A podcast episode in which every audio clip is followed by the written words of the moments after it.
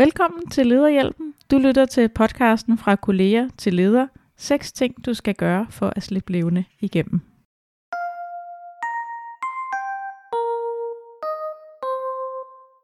Velkommen til. Hvis du lytter med, fordi at du er nysgerrig på processen om, hvordan det er at gå fra at være kolleger ind i lederrollen, vel at mærke for den afdeling, du tidligere var en del af, så er du landet det helt rigtige sted. Efter du har lyttet den her podcast, så har du langt bedre greb om og forståelse af, hvad det er, det vil sige at gå fra kollegerollen ind i lederrollen, og hvad du skal være opmærksom på, hvad der kan spænde ben, og hvad der kan være rigtig svært og måske gå helt galt i den proces. Vi kommer til at kigge på seks ting, du skal gøre. Det er blandt andet, at du skal forstå forandringen i øh, den transition, der er over for dig, når du går fra kolleger ind i lederrollen. Vi kommer til at se på, hvordan du kan genstarte tilliden til dine øh, tidligere kolleger. Vi kommer til at tale om, hvordan du kan undgå at falde i micromanagement-fælden. Vi kommer ind på, hvordan du kan forstå fra mig til vi paradokset, og det skal vi nok tale meget mere om, så du er helt med på, hvad det handler om. Vi kommer også til at tale om, hvordan du skal veje dine ord, fordi dine ord får ny betydning i det øjeblik, at du lige pludselig er leder. Og den sidste ting, vi kommer ind på i podcast-episoden her, det er, hvordan du lærer at mestre den ensomhed, som der også følger med lederjobbet. Over for mig, der står Ane Jægersborg. Mit navn er Gita Maja Laguard. Velkommen til Lederhjælpen.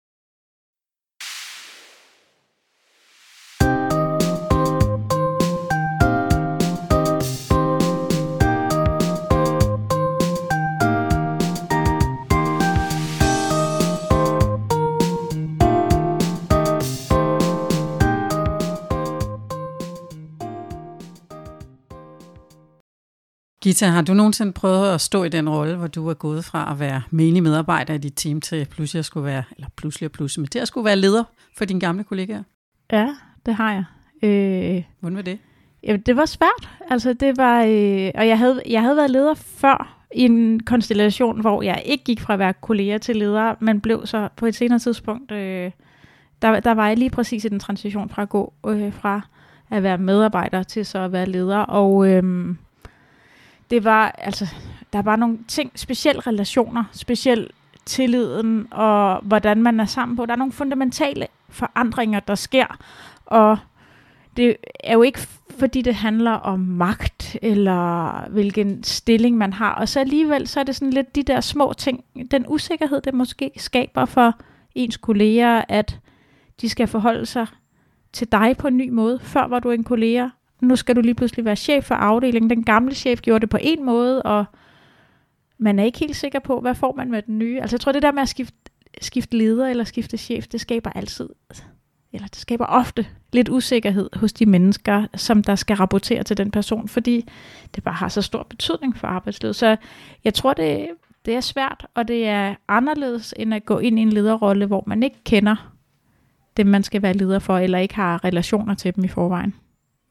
Hvis du skulle nævne én ting, hvor du vil sige, det var det allersværeste. Ja, altså det tror jeg, jeg tror det er meget situationsbestemt. Det som jeg husker, som, og det har faktisk, det har ikke så meget med ledelse at gøre, men det jeg synes var allersværest, det var det arbejdspres, der var.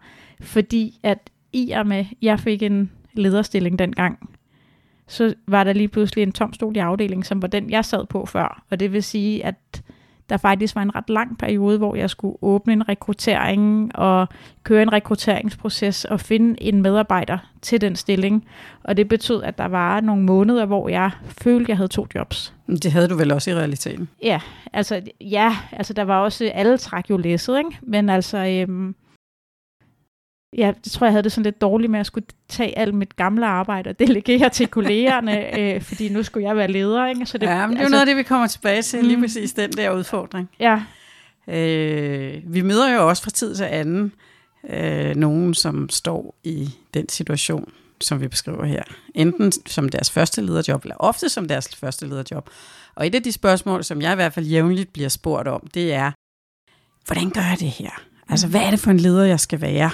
Øh, den der usikkerhed på ens lederidentitet. Og det, det, det svar, som jeg altid giver, det er, at du skal være dig selv. Ja. Altså, du skal ikke forsøge at være en anden. Det er et godt sted at starte. Øh, du er simpelthen nødt til ja. at være dig selv, men du er nødt til at finde dig selv i en ny kontekst. fordi din rolle er skiftet. Og det at lave den der transformation, det er det, som, som det hele starter med, tænker jeg i virkeligheden at forholde sig til. Hvad er, det, hvad er det for en rolle, jeg er kommet ind i nu? Hvad er, hvad er anderledes i den rolle?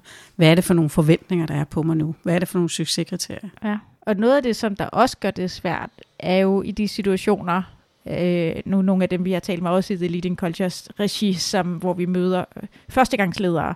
Hvis du samtidig går ind i lederjobbet for første gang, så er det fint nok, at du siger, at du skal være dig selv. Men hvordan, hvordan er jeg lige som leder? Altså det er sådan nogle ret, der skal du finde dig selv som leder, og det er også en proces, der tager lidt tid. Ikke? Så det der med at være sig selv, det er sådan, det kan måske også være svært.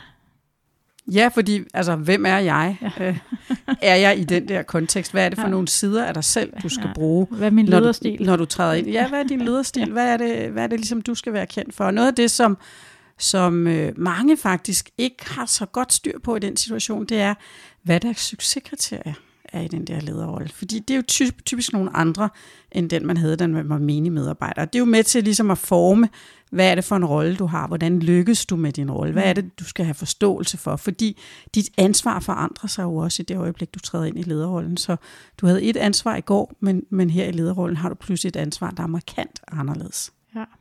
Og det er den, den første vigtige ting, du skal gøre i den her transition, at du skal, du skal måske kigge på dig selv i dit gamle job, og så også i det nye job, lederjobbet, som du nu skal fylde ud i, i fremtiden, og så se, hvad er forskellen på de to jobs, både i forhold til, hvad skal du egentlig gøre, når du går på arbejde, hvad er dine succeskriterier, som du siger, øh, men også er der nogle ting, du skal gøre anderledes, er der nogle andre krav til at have lederjobbet, som der ikke var i dit gamle job. Det kan være, at der måske er nogle krav om et lidt bredere udsyn, at kigge lidt længere ud mod horisonten, når du tager en beslutning.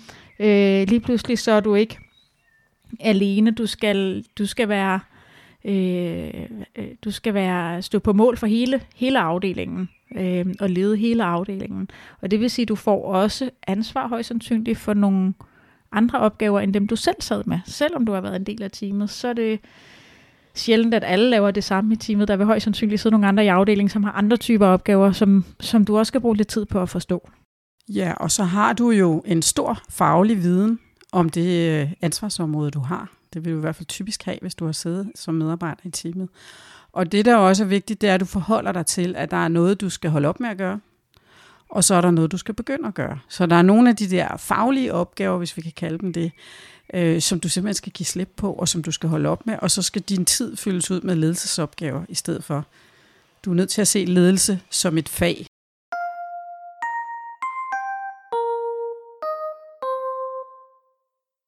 Der er også nogle greb, sådan nogle små greb, som er vigtigt at tænke over. Måske har du været vant til, når du sidder til teammøderne, at sidde nede i hjørnet, eller på den ene langside, eller et eller andet. Et lille greb, det er, sæt dig for bordenden. Så bliver det tydeligt med små bitte signaler om, at nu sidder du for bordenden. Det vil sige, at du har også en anden position. Så skift nogle af dine fysiske positioner. Det kan også være, at du skal flytte din plads i afdelingen, hvis I sidder i storrum. Sæt dig hen et andet sted. Øh, så det bliver tydeligt for dine omgivelser, at der er sket det her skifte. Og det er jo noget af det, der også er rigtig vigtigt, det er, at du kommer tydeligt og klart ind i rollen. Måske bliver du introduceret til teamet, selvom de godt kender dig, i din nye rolle.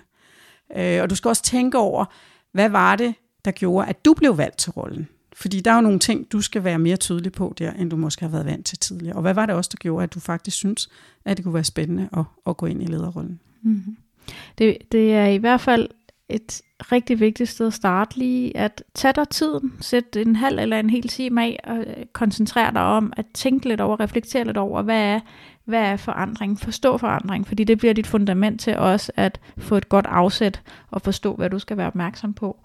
Øhm, og der er nogle faldgrupper, også noget med, vi kommer lidt ind på det i micromanagement-fælden senere, men noget med at forstå det, du ikke ved så meget om i jobbet. Fordi der vil være ting i dit nye job, som er nyt for dig, og, og der kan mange af os måske godt have en tilbøjelighed til at bruge tid på det, som vi arbejdede med før, eller det, man kender godt, men det er også vigtigt at være nysgerrig på at prøve at forstå de ting, som, som er nye i jobbet. En af de ting, som mange nye ledere også oplever i, i den her sammenhæng, det er, at der bliver ligesom lukket af for den interne snak. Altså når du har siddet og været en del af teamet, så er du også en del af den snak, der foregår, den mere uformelle del. Det vil du måske også være, når du sidder som leder for teamet. Men der vil også være noget information, du pludselig ikke får, eller nogle reaktioner, der bliver anderledes. Og det er også noget, der kræver lidt tilvænning, fordi du tænker måske, jamen jeg, det er jo bare mig, I kender mig jo, jeg er jo, jeg er jo ikke anderledes i, i, det, i morgen, end, end jeg var i går. Men du er bare anderledes, fordi du er i en anden rolle. Det er ikke dig som person, men din rolle er en anden, og det påvirker omgivelsernes reaktioner på dig. Og det leder rigtig fint hen til øh, den anden ting, du skal gøre, som er, at du skal genstarte tilliden. Og det handler meget om relationer til det, der tidligere var dine kolleger, men som nu er dine medarbejdere, og som du er leder for. Og øh, som du siger, Anne, det, det forandrer sig. Altså ikke fordi du forandrer dig som menneske, men fordi din rolle forandrer sig.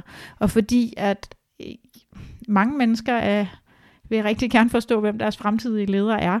Der kan måske sidde nogen i afdelingen, der også har søgt lederjobbet. Øh, der kan sidde nogen i afdelingen, der synes, det er helt fantastisk, du har fået lederjobbet. Der kan også sidde nogen, som der synes, det måske skulle have været en anden.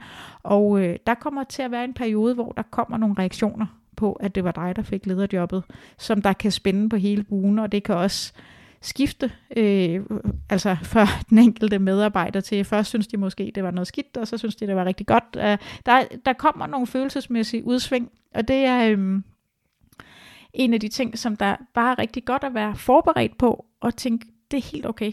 Det skal der være plads til, og det kommer til lige at tage lidt tid, før at stødet lægger sig.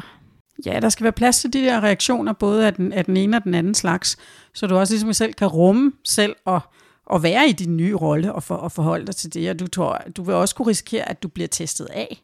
Altså, nu var dine kollegaer siger, aha, nu blev du leder, så skal mm. vi se, om du står på mål for det samme, som du gjorde før.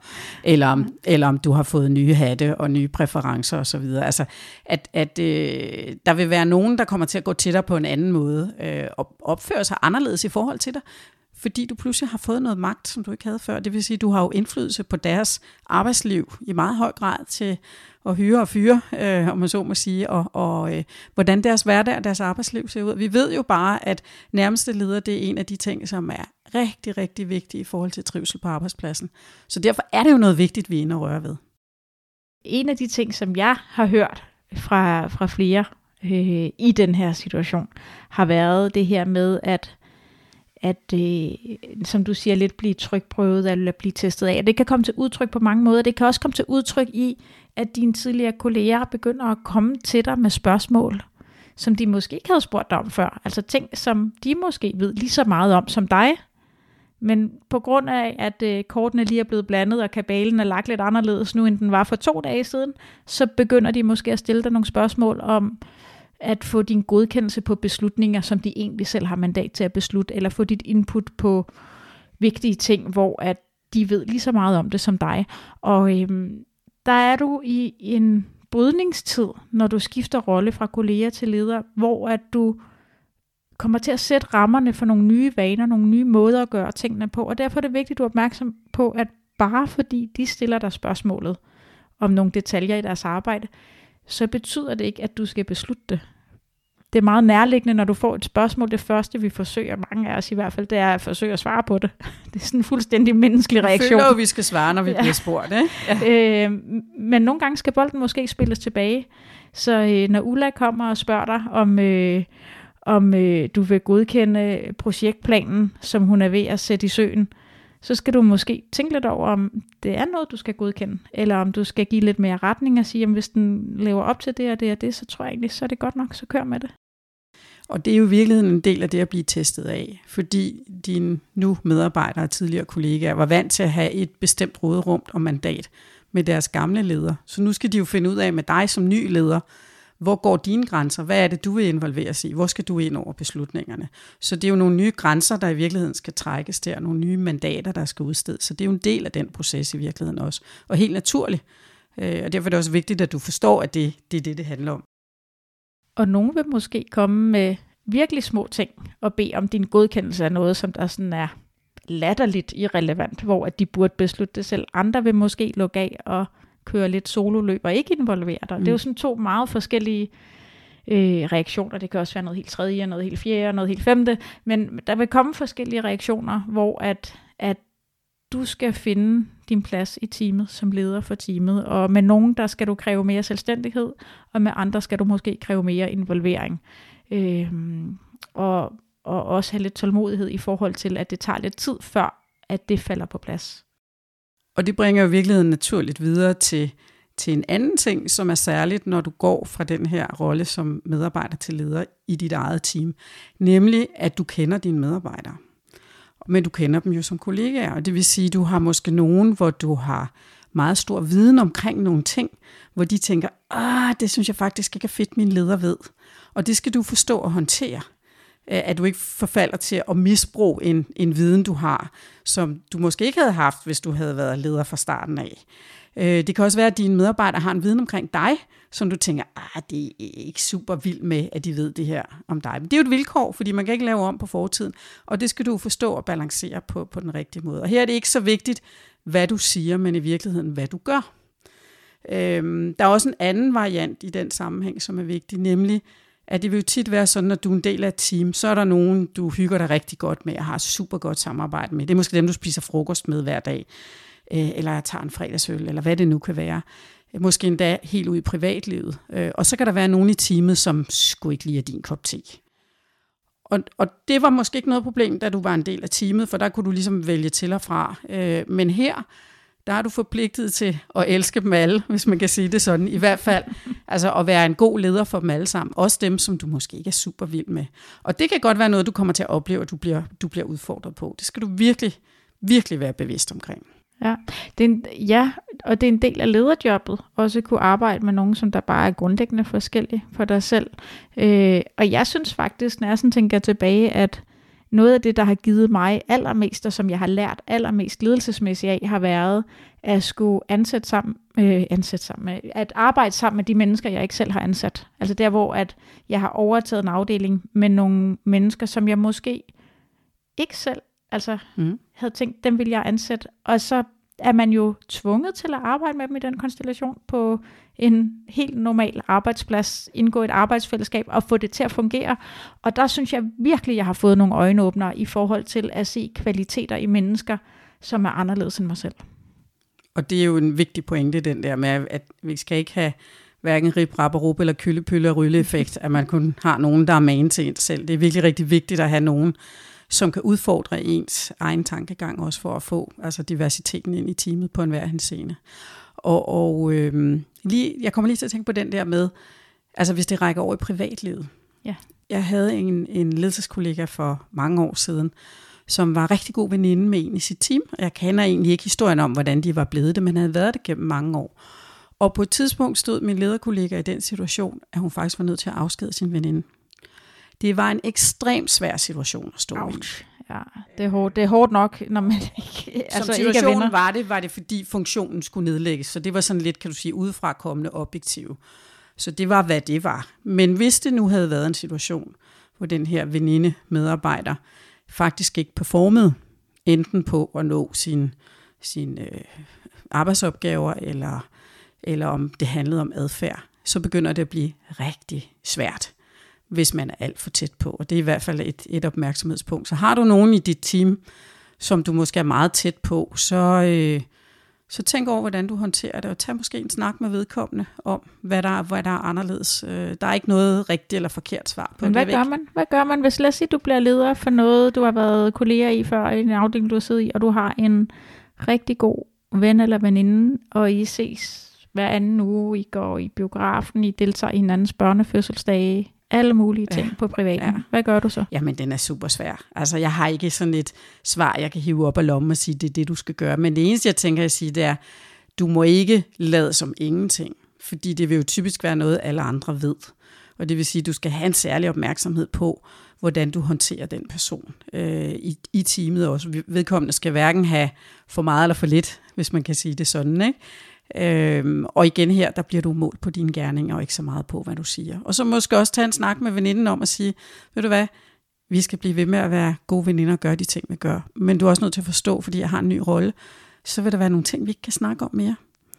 Øh, fordi jeg måske har en viden, eller der kan være andre ting, som gør, at det bare ikke er muligt for mig at, at, at, at diskutere med dig omkring de her ting. Og det tror jeg, man er nødt til at være rimelig transparent omkring, at sådan er det, for at kunne ikke altså ødelægge venskabet. Og så må tiden jo vise, om det holder, eller, eller hvad der kommer til at ske. Ja. Hvad tænker du?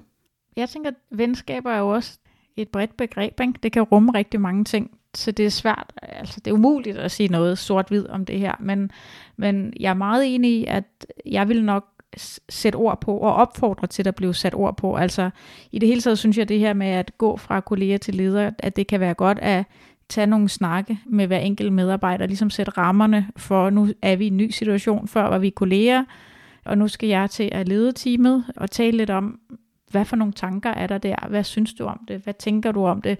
Både at tale lidt om selv, hvem er jeg som leder, og hvordan har jeg tænkt mig at gøre det, men også stille lidt nysgerrige spørgsmål til medarbejderne, for at høre, hvad er deres bekymringer. Og er der en ven, der sidder i teamet, så i hvert fald med, med vennen at få sat ord på, hvad er det for nogle rammer, du skal være leder for, og hvordan kan vi håndtere det bedst muligt. Øh, det tror jeg er vigtigt. Helt sikkert. Jeg kommer til at tænke på den her startpakke til nyt lederjob, vi har. Der er faktisk et af, af podcastene og et af temaerne i den tilhørende e-bog, som lige præcis adresserer, hvordan du kan arbejde. Ikke bare når, det, når du bliver leder for dine gamle kollegaer, men i virkeligheden, hvordan får du en god start med dine nye medarbejdere. Mm.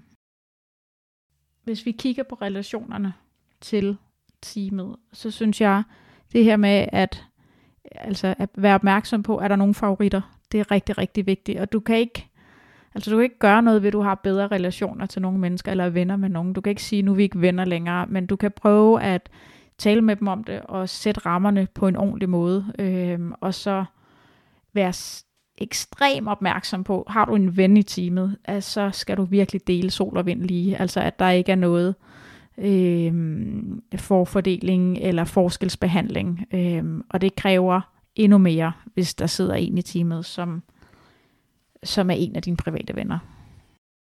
Og samlet set, så kan man sige, at det, der er rigtig vigtigt, det er, at du er super transparent. Ja. Altså i, i det her rolleskifte, du har lavet. Hvad det er, din rolle er nu, hvad du kommer til at gøre nu, hvad der er anderledes end tidligere.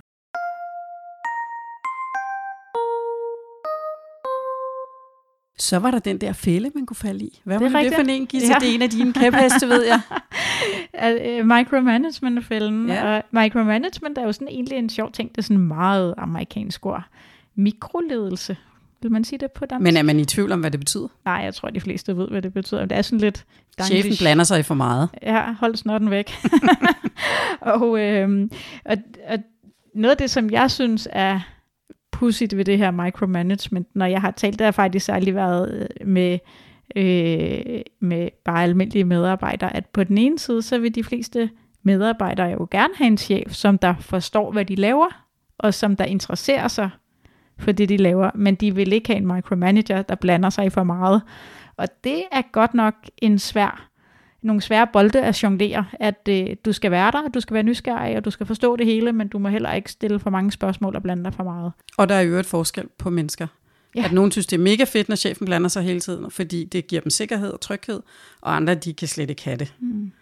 Men det er vel en særlig fælde her, fordi du netop har det her rolleskifte, ja. hvor du faktisk har Præcis. været den dygtige medarbejder, ja. må vi antage. Det vil sige, at du har et meget typisk et højt fagligt niveau, mm. og det vil sige, at du kunne faktisk løse rigtig mange af opgaverne formentlig. Ja. Og derfor er der særlig stor risiko for det. Der er både risiko for, at medarbejderne kommer til dig med alle mulige spørgsmål, de godt selv kunne svare på, øh, men der er, også, der er også en fælde, der hedder, at du risikerer at blande dig for meget, fordi at du elsker dit arbejde, og du har svært ved at give slip på fagligheden i det.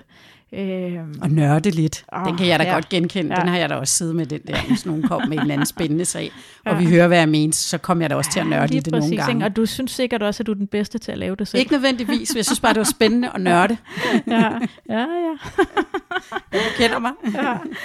Så, øh, men, men, men det første i den sammenhæng, det er vel step nummer et. Slip dine opgaver nu. Altså som noget af det allerførste, og være virkelig tydelig på, at du gør det. Så kan du være i den der udfordring med, som Gita fortalte om før, at du skal nå, du skal ansætte en medarbejder, der kan overtage mm. dine opgaver. Men løsningen er så måske i virkeligheden at lave en omfordeling. Ja. Altså at de opgaver, du har, så du ikke fortsætter med dine egne kunder, eller dine egne øh, varer, eller dine egne, hvad det nu måtte være. Så, så der opleves skift i teamet, også inden den nye medarbejder kommer ombord. Ja, og der er selvfølgelig også, der er forskel på, konstellationen, det har vi lidt i vores tidligere podcast, er du leder eller specialist, øh, som du kan finde, hvis du hopper ind på vores hjemmeside eller podcastkanal. Men hvor vi taler lidt om, hvordan er du leder? Er du ren administrativ leder, personaleleder, øh, der har nogle måske strategiske opgaver, topleder, eller er du en øh, arbejdende Jacques formand, ja, Jacques Beis, formand, hvor du er ja. en del af fagligheden hvor, også. Ikke? Ja. hvor det er forventet, at du også lige løfter din, din del af opgaverne, Ja. for kabalen går op. Ikke? Og det er jo sådan, igen, der er vi lidt tilbage til punkt 1 med at forstå forandring. Hvad er det for en, et jobskifte, du er i, og hvad betyder det så for de opgaver, du skal fortsætte med, og de opgaver, som du måske skal sige farvel til. Men, men generelt så er det en rigtig god idé at prøve at slippe nogle opgaver for at få tid til ledelsen. For hvis ikke du har tid til ledelsen, så får du et langt større problem i løbet af ret kort tid. Og det er også derfor, det er rigtig, rigtig vigtigt, at hvis din leder har en forventning om, at du fortsat indgår i nor- normeringen på samme måde, som før du blev leder, og det der leder var bare noget, du tog ovenpå, så er det altså tid at have en alvorlig snak med din leder, fordi det er ikke okay. I hvert fald Du skal noget, have tid til ledelse. Der er noget, du skal gøre mindre. Ja, Ja. der er noget, du skal gøre mindre af, for ellers hænger det ikke sammen at være Mm. leder. Det er i hvert fald min varme anbefaling. Og det er jo heller ikke alt, man behøver at få sin leders velsignelse af. Nej, nej, nogle det. gange er det nemmere at få tilgivelse en tilladelse, men, men det er mere den der med, altså, vær skarp på, at du i virkeligheden ikke bare har fået lagt Ja. øh, 20 Det procent skal- arbejdstid ja, oveni præcis, til ledelse, fordi, fordi du skal lave det samme. Du ikke får lov til at genbesætte. Mm. din stilling, for Og, eksempel. øhm, og, og man kan jo af mange grunde være i situationer, hvor at man er udfordret på grund af arbejdspres. Øhm, men der så tror jeg egentlig også, at det kan være meget sundt, du udfordrer dig selv lidt og tænker, okay, jamen selvom der er for mange arbejdsopgaver, hvad er teamet så bedst tjent med? At jeg arbejder 150%, og de arbejder 100%, eller alle sammen lige smider 10% ekstra, og så får jeg frigivet noget tid til ledelse. Fordi det kan faktisk godt være det, der er det bedste for medarbejderne i sidste ende, at de har en leder, som der har hovedet over vand, og som der har mentalt overskud til og som os ikke bliver en at- flaskehals. Ikke? Lige præcis, mm. ja. Så det der med at delegere, det er bare så vigtig, vigtig, vigtig en kompetence, og du kan godt begynde at øve dig lige med det samme.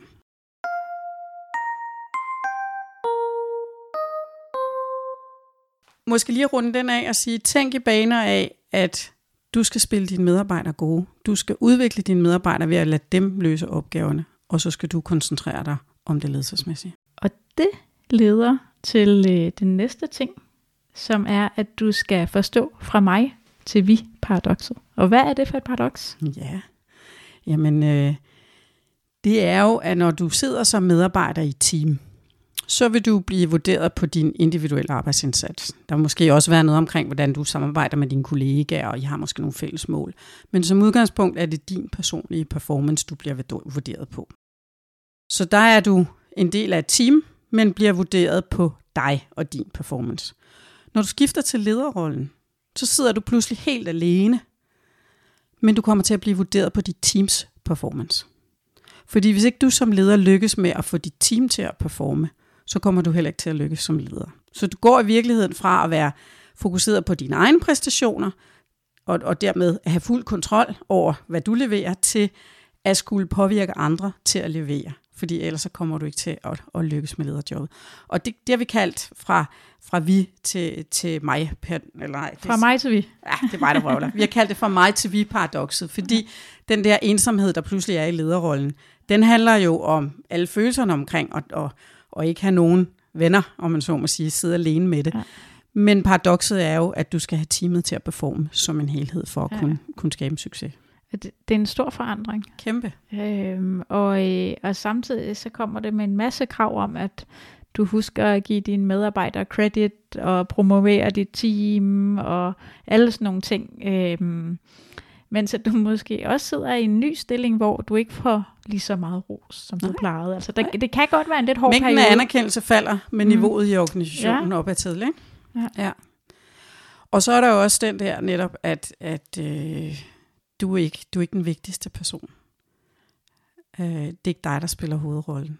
Du skal give credit til dine medarbejdere, fordi hvis ikke de lykkes med det, de skal lykkes med, så kommer du heller ikke til at lykkes med lederjob. Og det betyder også, sådan lidt med en kliché, man kan sige, som leder, der ejer du fiaskoerne, men succeserne ejes af dine medarbejdere. Det er lidt brutalt måske, mm. men, men det er faktisk sådan, det er. Men det er til gengæld fedt, når det lykkes. Oh yes. Ja. Den femte ting, du skal gøre for at øh, slippe levende igennem, det er, at du skal begynde at tænke på lidt mere, hvordan du taler. Du skal tænke lidt mere på, hvad siger du, hvilke ord kommer ud af din mund, og øhm, det skal du, fordi at med din nye rolle, så kommer menneskene omkring dig også til at kigge på dig med nogle andre øjne. Og du har magt. Du har mere magt i din stilling, uanset hvad. Når du indgår i en, i en lederstilling, så får du noget mandat i den stilling til at træffe beslutninger i forhold til personale. Og derfor så vil der blive lyttet måske lidt anderledes. Og det er jo, du er jo faktisk her i den heldige situation, at dem, du har omkring dig, de kender dig. Og det er et rigtig godt udgangspunkt. Men de kender dig i forhold til, hvordan du var i din gamle rolle, og de skal genfinde dig i din nye rolle. Og det vil sige, at, øh, at vidigheder, ironi og den slags ting, det selvfølgelig humor er godt og så videre, men du skal tænke lidt ekstra over, hvordan kan det blive opfattet.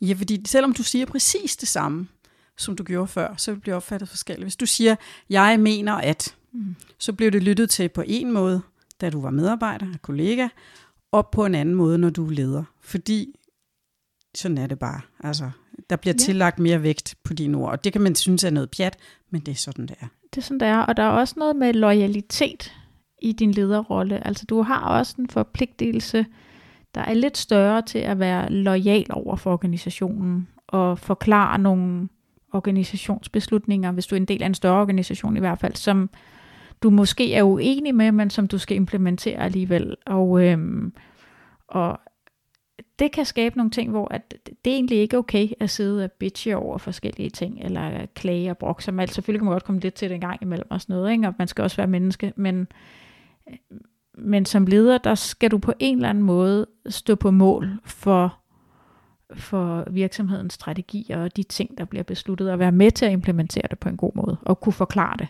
Og det er den, der kan være svær. Altså den kan være svær for dig selv, men den kan også være svær for dine gamle kollegaer, nu er det medarbejdere, at du måske mente en ting før, og nu mener du noget andet. Ja. Eller der er noget, hvor du har... Øh, ikke har holdninger til, som du har haft holdninger til tidligere. altså det der krydspres, der ligger i mellemlederrollen. Fordi før, der kunne du primært fokusere på at være lojal med kollegaen i dit team, og I kunne sætte jer og blive enige om, at et eller andet var lodderet åndssvagt.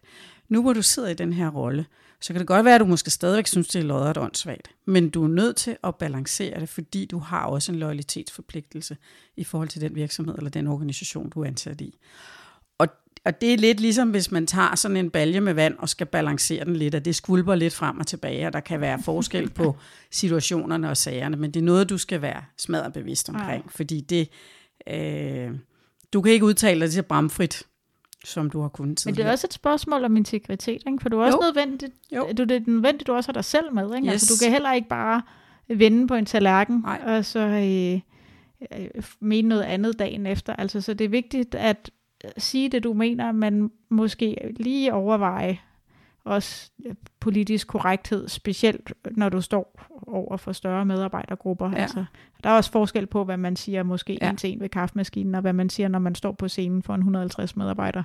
Og du vil også med tiden og erfaringen finde ud af, hvordan du balancerer det der, så du på den ene side godt kan være lojal over for de ledelsesmæssige beslutninger, der kommer ovenfra, men samtidig også bevare din integritet og være tydelig i forhold til dine medarbejdere, så de godt ved, hvad du mener. Altså, det, det, det er også sådan en disciplin, man er nødt til at lære som leder, at, som kan være det. svær. Vi har snakket om det før i en eller anden podcast. Nu kan jeg ikke huske, at bruge magten rigtigt. Var den? Ja, det tror Eller jeg. Eller var det i startpakkes nyt lederjob?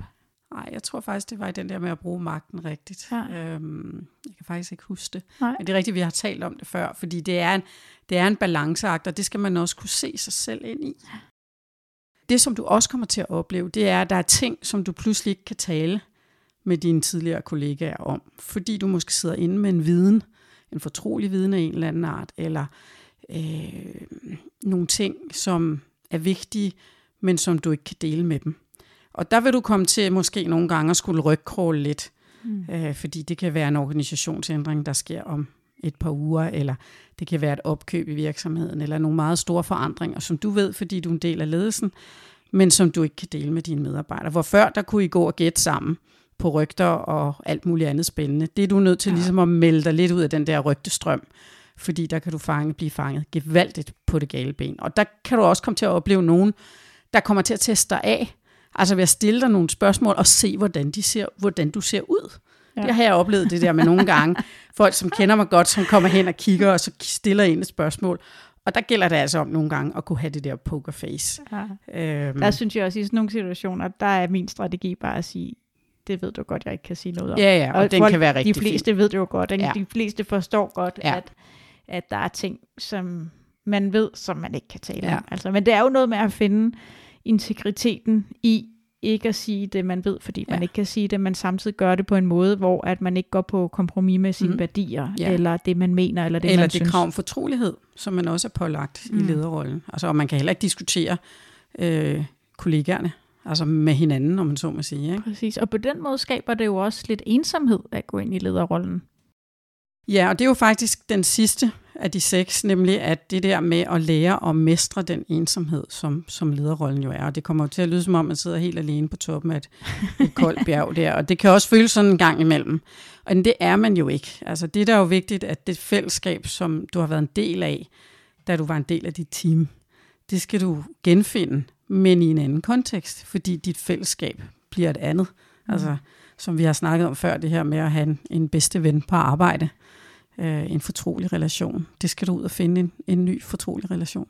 Ja, og det, skal, det, det kan man løse, men det kræver, det kræver, at du er opmærksom på det, og det vil jo også være forskelligt alt efter virksomhed og størrelse og så videre, hvad du kan og hvordan du føler dig. Men, men der kan være en følelse af ensomhed, det at skifte fra at gå fra kolleger, være en del af gruppen, og så pludselig kan du fornemme, der bliver snakket om nogle ting, som du ikke får at vide, eller du tror det, eller... Det kan også øh, være, de øhm, snakker om dig. Ja, det, jo, det gør de da nok. Det gør de altså, helt sikkert. Det kan du være sikker på. Det også være okay, at ja, de gør. Det gør man jo. Øh, fordi... jo, I snakkede jo også om lederen sikkert, da du sad som en del af teamet, ikke? Ja, ja. Så, øh, så, og det skal man give plads til, og tænke, det er okay. Det, det er, kan jo både være godt og dårligt. Altså det vigtigste er egentlig, at du får at vide, hvis der er noget, du skal have at vide, og, øhm, og, og du skaber rum for, at den dialog eksisterer. Så skal de også have lov til at have deres andre, egne, egne ting. Men, men du skal genfinde dit eget netværk, og det er noget, du skal være rigtig opmærksom på, fordi som vi Eller også... et nyt netværk øh, måske, ikke?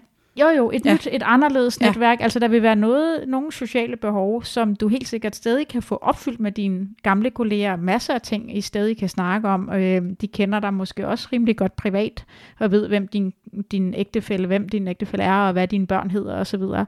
Mens at, at der selvfølgelig også er nogle ting, nogle dilemmaer i lederjobbet, som du ikke kan dele med dem, som det kan være værdifuldt at forsøge at skabe nogle andre relationer ud i din organisation. Du får måske en ledergruppe, eller, eller har noget andet netværk. Det kan være, at du har en mentor, eller en coach, eller andre ting, der gør, at du kan få rum for at tale om de dilemmaer. Også noget af det, som vi i vores tidligere interview med Pernille Sten Pedersen jo løftede sløret for, at det faktisk er ret vigtigt i forhold til din egen stressfølelse, at du har styr på dine relationer og dit netværk ja, på arbejdet. En vigtig forudsætning for trivsel.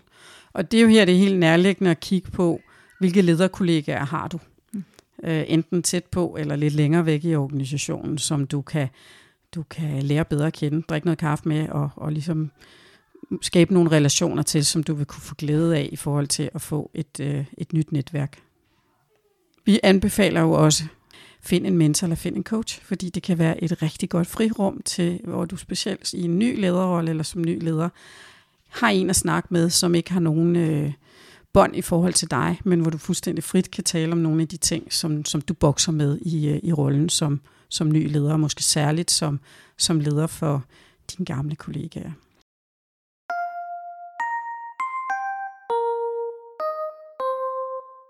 Du har lyttet til en podcast, som handler om, hvordan går du på succesfuld vis fra kollega til leder, med de seks ting, du skal gøre for simpelthen at slippe levende igennem det. Det handlede om, du skal forstå, hvad det er for en forandring, og hvad er det for en rolle, du går ind i. Du skal vide, hvordan du genstarter tilliden og skaber nogle gode relationer.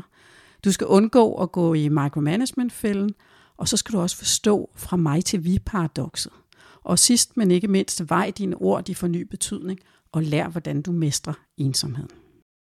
Hvis du er nysgerrig på mere, så øh, kan du også gå ind og kigge på vores startpakke til nyt lederjob. Det vi har talt om i dag har jo i høj grad været transitionen fra kolleger ind i lederrollen, men der er masser af andre ting, som, som der måske er meget gode at reflektere lidt over, når du går ind i et nyt lederjob, uanset om du er erfaren leder eller ny leder. Og der har vi øh, startpakken, som er en række podcast-episoder øh, målrettet dig, der går ind i et nyt lederjob. Der er også en e-bog, som du kan vælge at få med Øh, vi har også, som vi var inde på, podcasten Brug Magten Rigtigt. Vi har også en podcast, der hedder Sådan finder du en mentor, hvis det er der, du er. Så øh, lidt at gå på opdagelse på i bibliotekerne, og øh, så håber vi ellers, at du hænger på her på kanalen, følger os på øh, din podcast-app, og du må også meget gerne give os nogle stjerner, fordi det hjælper os faktisk til at komme ud til endnu flere mennesker, som der kunne have gavn af vores podcast.